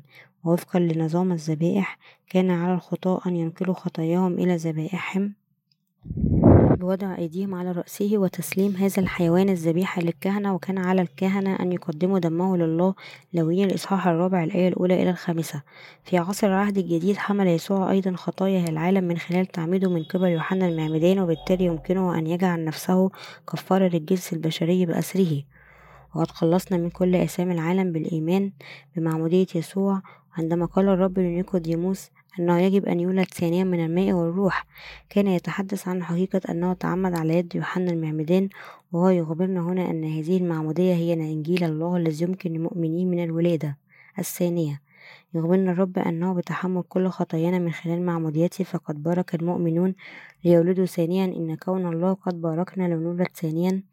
من الماء والروح يعني أن يسوع حمل خطايا العالم وغسلها بمعموديته بعد هذا تحمل يسوع عقاب خطايانا بدلا منا بصلبه وسفك دمه في سن الثلاثة والثلاثون وهذا ما يسمى ذبيحة الكفارة. من الآن فصاعدا يجب أن نؤمن أنا وأنت بالرب الذي حمل خطايا العالم من خلال معموديته إذا كنت اعتمدت على صليب يسوع وآمنت به حتى يومنا هذا فقط فيجب أن تؤمن الآن بحقيقة أن يسوع خلصنا من خطايانا بحمل كل آثام هذا العالم مرة واحدة وإلى الأبد من خلال المعمودية تلقاها من يوحنا المعمدان حتى الآن لم تعرف سوى صليب يسوع في حياتك الإيمانية كمسيحي بعبارة أخرى قانون الإيمان النقوي الصادر في عام 325 ميلاديا هو بند الإيمان الذي جعلك تؤمن فقط بصليب يسوع كمسيحي ويمكن القول أننا وأنت كنا نعيش حياة هادئة طوال هذا الوقت محاصرين بفخ بفخ الدين الذي يؤمن بالصليب فقط. إذا كان بإمكاننا أنا وأنت معرفة حقيقة أن خطايا العالم قد تم غسلها بمعمودية يسوع الذي حملها مرة واحدة وإلى الأبد ولكن بإمكاننا الحصول على الإيمان لنولد مرة أخرى من الخطايا. فقد عانينا كل الوقت بسبب خطايا خطايانا ومع ذلك لأننا لم نعرف كلمة المعمودية تتلقاها يسوع من يوحنا المعمدان ذلك لأن الدين الذي خدعنا صنعته البشرية. إن عشنا محاصرين في حياة دينية كهذه هو الدليل الذي يظهر أننا خدعنا من قبل الكذابين غافلين عن حقيقة أن يسوع حمل خطايا العالم مرة واحدة وإلى الأبد من خلال المعمودية تلقاها من يوحنا المعمدان وما يجب أن ندركه هو أن كنا نؤمن بكلمة المعمودية تلقاها الرب من يوحنا المعمدان يمكننا الآن أن نغسل من خطايانا مرة واحدة وإلى الأبد. مكتوب في نشيد الأنشاد الإصحاح الثامن الآية السادسة لأن المحبة قوية مثل الموت بتحمل خطايانا من خلال تعميدنا شخصيا من قبل يوحنا المعمدان أعطانا يسوع نعمة البشرية وتظهر لنا معمودية الرب هذه مدى حبه لنا حبه لنا لتحمل خطايانا من الآن وإلى الأبد وحمل يسوع خطايا العالم مرة واحدة وإلى الأبد من خلال المعمودية تتلقاها من يوحنا المعمدان صلب وسفك دمه وقام من الأموات مرة أخرى وبذلك مكنا الرب من أن نصبح أبرار بالإيمان بهذه الحقيقة. حمل يسوع خطايا العالم بتعمده من قبل يوحنا المعمدان يجب أن ننال غسل الخطايا بالإيمان بحقيقة المعمودية التي تلقاها يسوع من يوحنا المعمدان كما هو مكتوب في كل العهدين الكتابيين وإلا سنكون مثل أولئك الذين يؤمنون بالدين الذي صنعوه بغض النظر عن كلمة الله تظهر حقيقة المعمودية التي تلقاها يسوع بوضوح في متى الإصحاح الثالث الآية الثالثة عشر إلى السابعة عشر. مكتوب في هذا المقطع أن يسوع حمل خطايا العالم مرة واحدة وإلى الأبد من خلال تعميده ونقل خطايانا إلى جسده وعلى الرغم من ذلك يؤمن المسيحيون بيسوع المصلوب الذي يظهر في قانون الإيمان النقاوي كمخلص لهم بقلوبهم ولهذا السبب أصبحوا ممارسين دينيين أمام الله بما أن صانعي قانون الإيمان النقاوي حولوا المسيحية إلى دين دنيوي فنحن بحاجة إلى أن نستعيد من كلمة إيمان الكنيسة الأولى التي بشرت بنعمة الرب الذي حمل خطايا هذا العالم. أن يسوع أخذ خطايا العالم من خلال المعمودية التي يحمل خطايانا على جسده. ربنا يخبرنا بهذه الحقيقة من خلال كلمته ويجب أن نستمع إلى ما يقوله ونؤمن به. في عصر العهد القديم وقبلت الذبائح مثل الأغنام والماعز والثيران التي لا تشوبها شائبة. الخطايا من خلال وضع أيدي الكهنة أو الخطاة وتم التضحية بها للتكفير ويجب أن نؤمن أنه في عصر العهد الجديد أصبح يسوع كفارتنا الأبدية لأنه اعتمد من قبل يوحنا المعمدان بنفس طريقة وضع الأيدي. في العهد القديم كان الخاطئ أن ينكر خطاياه إلى الحيوان الذبيحة بوضع يديه على رأسه وعلى نفس المنوال حمل يسوع خطايا المجاميع في جميع أنحاء العالم على جسده من خلال تعميده من قبل يوحنا المعمدان. ولهذا السبب كان عليه أن يذهب للصليب بينما نستمر في حياتنا في هذا العصر. إذا أردنا حقا أن نؤمن بيسوع كمخلصنا يجب علينا أن ننقل خطايانا إلى جسده بالإيمان بمعموديته. ماذا عنك بعد ذلك؟ هل نقلت خطاياك ليسوع؟ هل كان هناك وقت تجاوزت فيه خطاياك بوضع إيمانك في كلمة المعمودية؟ التي تلقاها يسوع من يوحنا المعمدان. إذا حاولت أن تنقل خطاياك ليسوع المصلوب فهل هناك هذا ممكنا؟ مغفرة الخطايا ممكنة فقط من خلال كلمة المعمودية التي تلقاها يسوع من يوحنا من خلال معرفة وإيمان أن خطايا هذا العالم انتقلت إلى جسد يسوع من خلال معموديته. لذلك تحتاج إلى فحص قلبك الآن لمعرفة ما إذا كان لديك هذه الكلمة التي تعلن أن يسوع قبل خطايا العالم من خلال تعميده من قبل يوحنا المعمدان يجب أن ندرك ونؤمن أن خطاياك قد انتقلت لجسد يسوع عندما حمل خطايا العالم مرة واحدة وإلى الأبد. من خلال تعميده من قبل يوحنا المعمدان في الكتاب المقدس تتم كتابة حق الخلاص بوضوح في متى الإصحاح الثالث الآية الثالثة عشر إلى السابعة عشر. المعمودية تتلقاها يسوع من يوحنا المعمدان هي حقيقة غسل الخطايا. الخطايا الحقيقية كانت مخفية عن كل مسيحي من 325 إلى 2022 بسبب قانون الإيمان النقاوي كما لو أنها اختفت من كلمة الكتاب المقدس لهذا السبب عاش المسيحيون كخطاة حتى يومنا هذا لأنهم آمنوا لأكثر من 1700 عام بيسوع كمخلص دون معرفة حقيقة أنه حمل خطايا هذا العالم مرة واحدة وإلى الأبد من خلال المعمودية تتلقاها من يوحنا المعمدان لقد عاش هؤلاء الناس كذبة خدعهم معلومهم الذين قالوا لهم أنت خاطي مسيحي. حدث هذا على الرغم من أننا جميعا نستطيع أن نغسل كل خطايا نفوسنا بوضع إيماننا في كلمة المعمودية حتى في هذه اللحظة بالذات لا يزال العديد من المسيحيين غير قادرين على نقل خطاياهم إلى يسوع من خلال المعمودية التي تلقاها من يوحنا المعمدان. لماذا هذا؟ هكذا ذلك لأن مع عمل المعمودية تلقاه يسوع من يوحنا المعمدان قد تم استبعاده من قانون الإيمان النقوي ولأن مسيحي اليوم الذين يعلنون إيمانهم بيسوع لم ينقلوا بعد خطاياهم إلى جسد يسوع فليس لديهم خيار سوى أن يظلوا خطاة دائما. لذلك يجب أن تعرف وتؤمن أن خطايا هذا العالم انتقلت ليسوع مرة واحدة وإلى الأبد من خلال المعمودية تتلقاها من يوحنا المعمدان ولا يعرف عدد لا يحصى من الناس اليوم حقيقة أن يسوع حمل خطايا هذا العالم مرة واحدة وإلى الأبد من خلال تعميده من قبل يوحنا المعمدان أنا أبشر بكلمة الخلاص هذه على أمل أن تدرك الحقيقة الآن قبل فوات الأوان. أأمل وأدعو للناس أن يدركوا أن يسوع حمل كل آثام هذا العالم مرة واحدة وإلى الأبد من خلال تعميده من قبل يوحنا المعمدان لأنهم وصلوا إلى هذا الفهم فيمكنهم غسل خطاياهم مرة واحدة وإلى الأبد.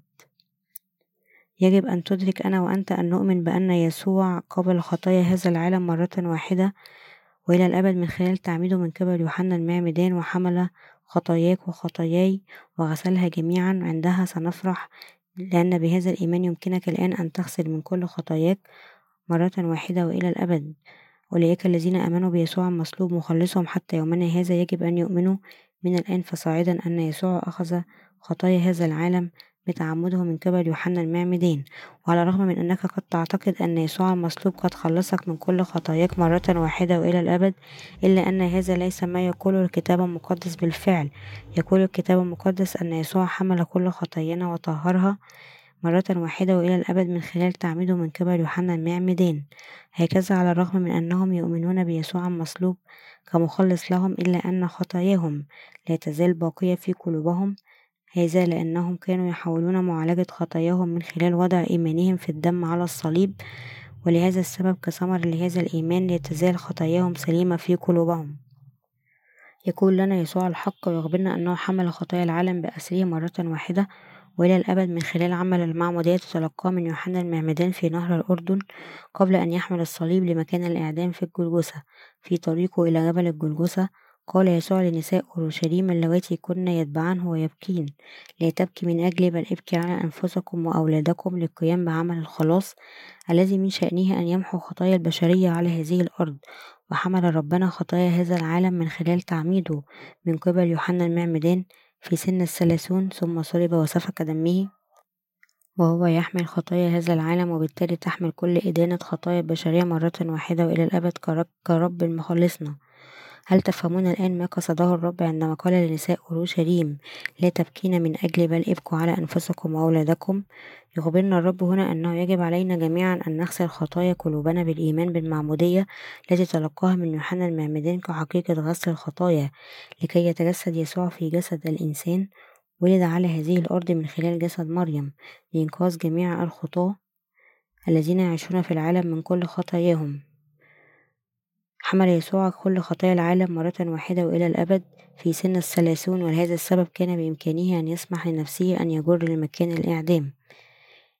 من خلال عمل المعمودية التي تلقاه من يوحنا المعمدان عندما جاء إلى هذه الأرض. أخذ يسوع كل خطايا البشرية مرة واحدة وإلى الأبد وغسلها مرة واحدة وقال لنا الرب اقبل في قلبك أني قد عمدت على يد يوحنا ليخلص البشرية.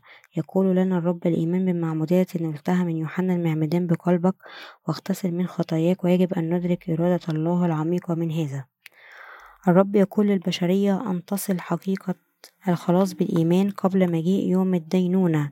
يقول لوقا الإصحاح الحادي والثلاثون الآية الثالثة والعشرون لأنه إن كانوا بالعود الرطب يفعلون هذا فماذا يكون باليابس؟ يخبرنا يسوع أنه سيأتي اليوم الذي يعود فيه للعالم ويجب أن ننال مغفرة الخطايا قبل أن نواجه هذا اليوم عندما يقترب المجيء الثاني للرب. سيظهر المسيح الدجال في العالم. في ذلك الوقت سيتم الكشف عن إيمان الناس الذين يعيشون على هذا الكوكب في أولئك الذين يؤمنون تماما وأولئك الذين لا يؤمنون عندما يحين الوقت. ستحدد جودة إيمانهم بنفسه. ما إذا كان سيذهبون للجنة أو الجحيم ستبدأ ضربات الأبواق السبعة والأوعية السبعة بعد ذلك.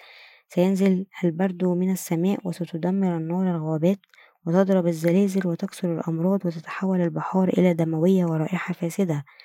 وفي هذا العالم الأخير لن يتمكن الناس من العيش بشكل طبيعي كما يفعلون الآن. معمودية ودم يسوع التي خلصنا من محبة الرب ستكون رجاء إيماننا. وخلال الضيقات العظيمة سمح ربنا بالفعل لكل من يعيش على هذه الأرض أن يؤمن بإنجيل المعمودية في ذلك الوقت سيظهر المسيح الدجال ويختبر إيمان الصالحين للاستشهاد.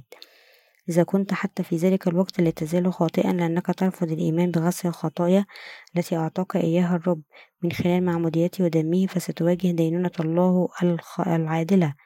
ويجب غسل أولئك الذين لديهم أي خطية في قلوبهم في هذا العصر والزمان من خطاياهم بالإيمان بكلمة المعمودية تتلقاها من يوحنا المعمدان إذا كنت خاطئا الآن على هذه الأرض لأنك لا تؤمن بعمل معمودية يسوع ستظل خاطئا في يوم دينونة الله وتدان على النحو. وعندما تأتي أيام المسيح الدجال سيتحول هؤلاء الناس لخدام الشيطان المخلصين فقط ليطرحوا معه في الجحيم ولذلك يجب أن يغسل البشر من خطايا قلوبهم بالإيمان بعمل المعمودية التي تلقاها يسوع من يوحنا المعمدان والصليب وإلا فإنهم سيعيشون كيتباع للشيطان ويواجهون دينونة الخطايا غير المرغوب فيها. كما يجب أن ندرك بوضوح هو صلب يسوع وموته كان ممكنين لأنه تعمد على يد يوحنا المعمدان. إذا كنا نؤمن بهذه الحقيقة نتحرر من الحياة الدينية التي كنا نعيشها طوال الوقت لأن يسوع اعتمد يمكن أن يصلب حتى الموت. كان عمل معمودية يسوع هو تحمل خطايا البشرية ومن خلال تعميده من قبل يوحنا المعمدان حمل يسوع كل ذنوب هذا العالم على جسده مرة واحدة وإلى الأبد ولهذا السبب يمكن أن يصلب يسوع ويموت بدلا منا من أجل خطايا البشرية جمعاء وبكلمات أخرى أصبح موت يسوع على الصليب ممكنا لأنه نال معموديته من يوحنا المعمدان قبل أن يصلب ويسفك دمه حتى الموت. عندما ننتقل ليوحنا الإصحاح الأول الآية التاسعة والعشرون نرى يوحنا المعمدان يقول هوذا حمل الله الذي يرفع خطية العالم ليتمم يسوع عمله على الصليب كان عليه أولا أن يعتمد ويحمل كل خطايا العالم على جسده مرة واحدة وإلى الأبد. عندما جاء إلى هذه الأرض بإمكانه أن يضحي بنفسه كفارة للبشرية لأنه صلب ويحمل خطايا العالم التي حملها بتعمده من يوحنا المعمدان ويجب علينا أن ندرك حقيقة أن ربنا حمل خطايا البشرية مرة واحدة وإلى الأبد من خلال معمودية التي تلقاها من يوحنا المعمدان ويجب أن نخلص بإيماننا ونؤمن بمحبة الرب بقلوبنا الآن ونشكره بفرح على هذه المحبة. ويجب أن نؤمن ببر ربنا وننال نعمته الآن ليتم غسلها من خطايانا وندرك سبب صلب ربنا يسوع حتى الموت. هل تدرك الآن وتؤمن أن يسوع أخذ خطايا هذا العالم مرة واحدة وإلى الأبد؟ من خلال تعميده من قبل يوحنا المعمدان وهل يؤمن قلبك بمعمودية ودم يسوع كخلاصك يجب أن نؤمن بقلوبنا أن معمودية الرب وسفك دمه وموته على الصليب كانت كلها من أجل خلاصنا ولقد أحبنا يسوع كثيرا وهكذا لدرجة أنه حمل كل آثام هذا العالم من خلال معموديته وضحى بنفسه ليموت من أجلنا. يمكن أن نغتسل أنا وأنت من خطايانا من خلال الإيمان بعمل المعمودية التي تلقاها من يوحنا المعمدان إذا كنت تؤمن الآن بقلبك أن الرب قبل خطايانا من خلال معموديته وتحمل إدانة هذه الخطايا فأنت شخص يعرف يسوع ويؤمن به بشكل صحيح. بعض الناس ليس لديهم هدف واضح للحياة حيث يضعونه بعناية على شيء يعتزون به وبعضهم يضعون حياتهم من أجله إذا كان حتى مجرد البشر قادرين على ذلك.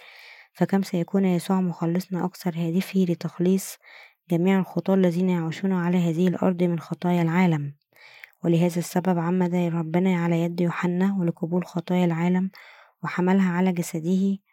فإذا كان الناس لا يؤمنون بكلمة معمودية الرب فسيتعين عليهم أنفسهم دفع أجرة خطاياهم ويريد الرب من أولئك منا الذين تلقوا بالفعل. غسل الخطايا أن يكرزوا بحقيقة الخلاص لهؤلاء الناس. إذا كنت لا تزال تؤمن بعمل الرب الخلاصي وأنه حمل خطايا العالم بتعمده من يوحنا المعمدان وإذا كنت لا تزال تحاول الحصول على غسل الخطايا بالإيمان بدمه فقط على الصليب فأنا أحثك على الاستماع مرة أخرى لحقيقة المعمودية التي تلقاها يسوع من يوحنا المعمدان. يقول الرب أن بعض الناس سيواجهون يوم الدينونة بسبب خطاياهم ماذا سيحدث؟ إذا وقف شخص خاطئ أمام الله كخاطئ يوم الدينونة سيقول الله لمثل هؤلاء الناس الملاك الذي صنعته لكونه يتحدى سلطاني أنت الذي صنعته تقف أمامي أيضا كخاطئ لأنك لم تؤمن بالعمل الذي قمت به لتحمل خطايا هذا العالم من خلال المعمودية التي تلقيتها من يوحنا المعمدان كممثل للبشرية. بينما لا نزال نعيش في هذا العالم يجب أن تؤمن قلوبنا أن يسوع حمل خطايا العالم بتعميد يوحنا المعمدان كان من الممكن أن يغسل عدد لا يحصى من الناس من خطاياهم مرة واحدة وإلى الأبد. فقط إذا علموا أن يسوع تحمل خطايا البشرية من خلال تعميده من قبل يوحنا المعمدان ولكن للأسف لا يزال هناك العديد من المتدينين في العالم الذين لا يقبلون في قلوبهم حقيقة أن الرب حمل كل أسام العالم مرة واحدة وإلى الأبد من خلال كلمة المعمودية تلقاها من يوحنا المعمدان أولئك الذين يؤمنون بعقائد دين الصليب التي يعلمها لاهوت اليوم ما يزالوا يعتقدون أنهم قد خلصوا بسعادة من خطاياهم من خلال الإيمان بيسوع المصلوب فقط بقلوبهم وأحيانا يشعرون بالأسف على يسوع المصلوب ويبكون عليه. يقول بعضهم أنهم عندما يصلون إلى في الصباح الباكر يفكرون في المعاناة التي تحملها يسوع المصلوب وينتهي بهم الأمر دائما بالبكاء على الرب. يقولون أنه كلما أخطأوا يأتوا إلى محضر الرب المصلوب من خلال الاعتماد على صلوات التوبة الخاطئة الخاصة بهم وحضور كل اجتماع صلاة وخدمة عبادة يمكن أن يفكروا فيها إذا كان هذا لا يعني الإيمان بيسوع كدين دنيوي من صنع الإنسان فماذا يمكن أن يكون أيضا؟ وإذ يفكرون في الدم الثمين الذي سفكه الرب على الصليب يبكون ويتوبون في صلاتهم قائلين يا رب وإن سفكت دمك من أجلي فقد أخطأت مرة أخرى. أرجو اغفر خطاياي ومع ذلك يجب أن يدركوا أن الرب يمكث أكثر من لديهم مثل هذا الإيمان الديني ويجب أن يستديروا ويجب أن يؤمنوا بمعمودية يسوع وتضحيته على الصليب والتي تشكل بر الله هي خلاصهم. ويجب أن يدركوا أنه كما كره يسوع الأتقياء والفريسيين والأنبياء الكذبة عندما كان على هذه الأرض كذلك يمكث أولئك الذين يحاولون غسل خطاياهم بدينهم اليوم. اليوم الرب مسرور بأولئك الذين يؤمنون بمعموديته وسفك دمه كخلاصهم ومبتهج من أولئك الذين يؤمنون أنه عندما جاء للعالم ذهب يبحث عن يوحنا المعمدان ممثل البشرية وحمل ذنوب البشرية على جسده من خلال عمل معموديته وهو مسرور من أولئك الذين يعتقدون أن صلبه كان لسداد أجرة خطاياهم. ذلك لأن الرب قد جاء للأرض ليرفع خطايا البشرية مرة واحدة وإلى الأبد.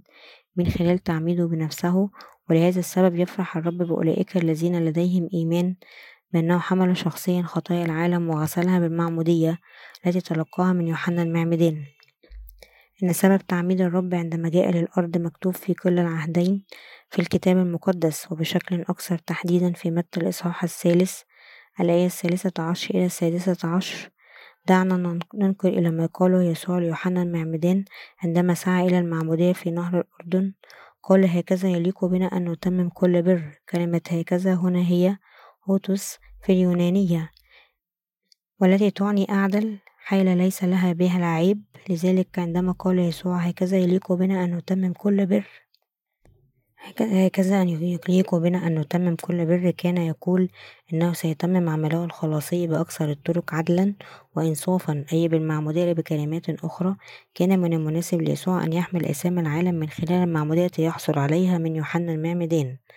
وباختصار لأن يسوع حمل أسام كل خاطي في العالم وحمل عقاب خطايانا بصلبه وسفك دمه أصبحنا الآن قادرين على الخلاص من خطايانا بالإيمان وكل ذلك بفضل تضحية يسوع موته بالنسبة لنا نحن المؤمنين وأصبح خلاصنا ممكنا لأن الرب نفسه حمل خطايا العالم مرة واحدة وإلى الأبد من خلال المعمودية تتلقاها من يوحنا المعمدان. وعوقب على كل أسامي الخطاة بدلا منهم بسفك دمه على الصليب. يجب ألا نؤمن أبدا بيسوع المسيح لأننا نشعر بالأسف تجاهه كما لو أنه يحتاج لشف... إلى شفقنا في الواقع كلما أشفقت على الرب بسبب الآلام التي عانى منها على الصليب فإنه يشعر بالإهانة. وبعيدا عن الشعور بالأسف يجب أن نكون سعداء بقبول خلاص الرب بالشكر مؤمنين أن معموديته وآلامه على الصليب كانت الذبائح التي قدمها الرب لفدائنا من خطايانا. وهذا يعني أننا يجب أن ننكر كل خطايانا ليسوع الآن من خلال الإيمان بكلمة المعمودية التي تلقاها من يوحنا المعمدان ونعتقد أن موته كان لعقاب خطايانا ويريدنا الرب أن نعرف بره ونؤمن به. قال لنا ربنا افرحوا كل حين وصلوا بلا انقطاع. اشكروا في كل شيء لأن هذه هي مشيئة الله في المسيح يسوع من جهتكم. تسالونيكي الأولى الإصحاح الخامس الآية السادسة عشر إلى الثامنة عشر. وبفضل يسوع. نحن الآن قادرون على العيش بالإيمان بامتنان لأن الرب حمل خطايا العالم مرة واحدة وإلى الأبد. وبالنسبة لأولئك منا الذين يؤمنون بهذه الحقيقة فقد لطخ كل خطايانا علينا الآن أن نستمر في حياتنا في انتظار يوم عودة الرب وندخل ملكوت الله لنتمتع بالحياة الأبدية. الناس في هذه الأيام لديهم إيمان بالعقائد الدينية التي ينادي بها اللاهوتيون أكثر من إيمانهم بكلمة الله المكتوبة. دعونا لا نضل مثلهم. دعونا نؤمن بدلا من ذلك بكلمة الله تتعلمنا أن يسوع حمل خطايا البشرية بتعمده من قبل يوحنا المعمدان وصلبه. دعونا نؤمن بأن يسوع مخلصنا لنرجع لكلمة الرب. ولنكن أهلا بالإيمان مع العلم أن الرب حمل خطايانا بتعميد يوحنا المعمدان. دعونا نكرس بالإيمان نشكر الرب مؤمنين أنه راعينا. دعونا جميعا نتحلى بالإيمان ليغسل كل خطايا قلوبنا حتى نتمكن من تقديم الشكر والتسبيح لربنا. ومنذ أن حمل يسوع خطايا العالم مرة واحدة وإلى الأبد من خلال المعمودية تتلقاها من يوحنا المعمدان تم نقل كل خطايانا ليسوع بسبب إيماننا بهذا الإنجيل ويمكننا أن نفرح دائما لأننا خلصنا من خلال معمودية يسوع وموته على الصليب وقيامته ليعطينا مثل هذا الإيمان. جاء الرب للأرض متجسدا في الجسد وحمل خطايانا مرة واحدة وإلى الأبد من خلال المعمودية تلقاها من يوحنا المعمدان يمكننا أن نشكر الرب ونبتهج بوضع إيماننا في عمل الخلاص الذي قام به يسوع بحمل خطايا العالم من خلال المعمودية. ومن الآن فصاعدا نحن قادرون على قيادة حياتنا الإيمانية مع الرب وكنيسة الله من خلال الثقة في بره بفضل إيماننا بعمل الخلاص الذي قام به يسوع من أجلنا وبكلمة المعمودية التي تلقاها من يوحنا المعمدان وصليبه نحن مبتهجون طوال الوقت وممتنون للرب دائما. ولأن الرب عمد من قبل يوحنا المعمدان فقد حمل خطايا العالم مرة واحدة وإلى الأبد وحملها إلى الصليب. وبهذا العمل حمل ربنا دينونة خطايانا وإتمام محبته لنا إن عمل يسوع الخلاصي المخطط له والكامل في محبة الرب العظيمة للغاية هو الذي يخلص الخطاة من خطايا العالم. إن حمل الرب لخطايانا لا ينبغي اعتباره أمرا مفروغا منه كما لو كان الأمر طبيعيا فقط. لقد كان عمل الخلاص الذي قام به الله لإتمام بره لأنه أحبنا. جئنا الآن نشكر ربنا بإيماننا بالخلاص العادل الذي أعطانا إياه الله. قدم كل الشكر والتسبيح لربنا لأنه أعطانا هذا الخلاص الثمين والحياة المجيدة في السماء. هللويا.